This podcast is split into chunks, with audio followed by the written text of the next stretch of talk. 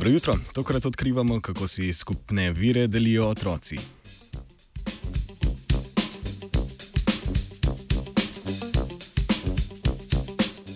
Že otroci sodelujejo zato, da dosežejo skupne cilje. Raziskovalki z inštituta Max Planck za evolucijsko antropologijo sta preučili, kako dobro otroci rešijo nalogo, ki od njih zahteva sodelovanje in deljenje virov.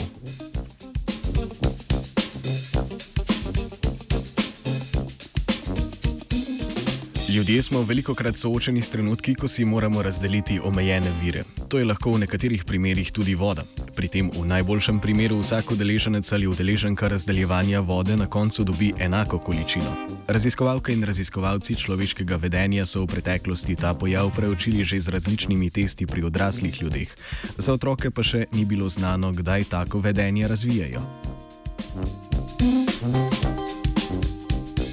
Znanstvenici sta v raziskavo vključili otroke stare šest let, njihova naloga pa je bila polnjenje steklenic z vodo, s čimer so na vrh polnih steklenic prišla plavajoča jajca. Za vsako uspešno pridobljeno jajce pa si je vsak otrok prislužil sladko nagrado.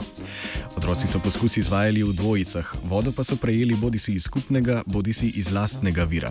V obeh primerih pa so morali biti otroci pozorni na vodni vir, saj je bila voda omejena. V primeru, ko je raven vode na viru padla pod rdečo črto in so porabili preveč vode, se je naprava z vodo sama odprla na dnu. Tako sta otrok ali pa dvojica izgubila še preostanek vode. Vodo so lahko nadzorovali tako, da so vsakič, ko so jo nekaj porabili, počakali, da se je ta ponovno napolnila iz dodatnega vodnega vira.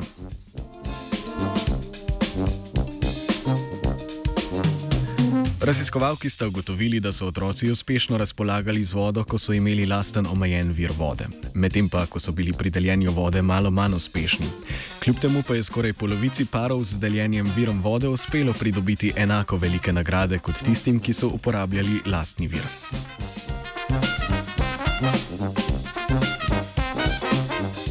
Parih, ki so si delili vodo, so v raziskavi zaznali podobna vedenja kot pri odraslih, ko si delijo vire. Otroci so se tako pogovarjali in spodbujali, ob tem pa so morali na dodatno točenje vode čakati. Takrat so se med seboj zamotili in uspešno prišli do več vode, jajc in ne nazadnje do večjih nagrad.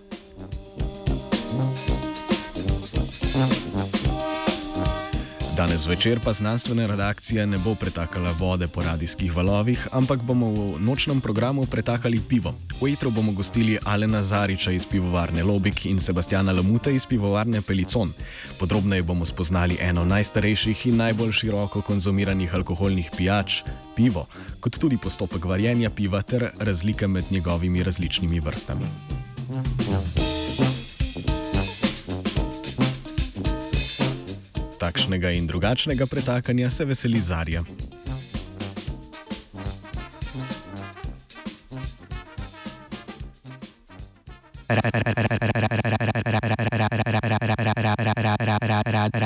Radio, radio, študent.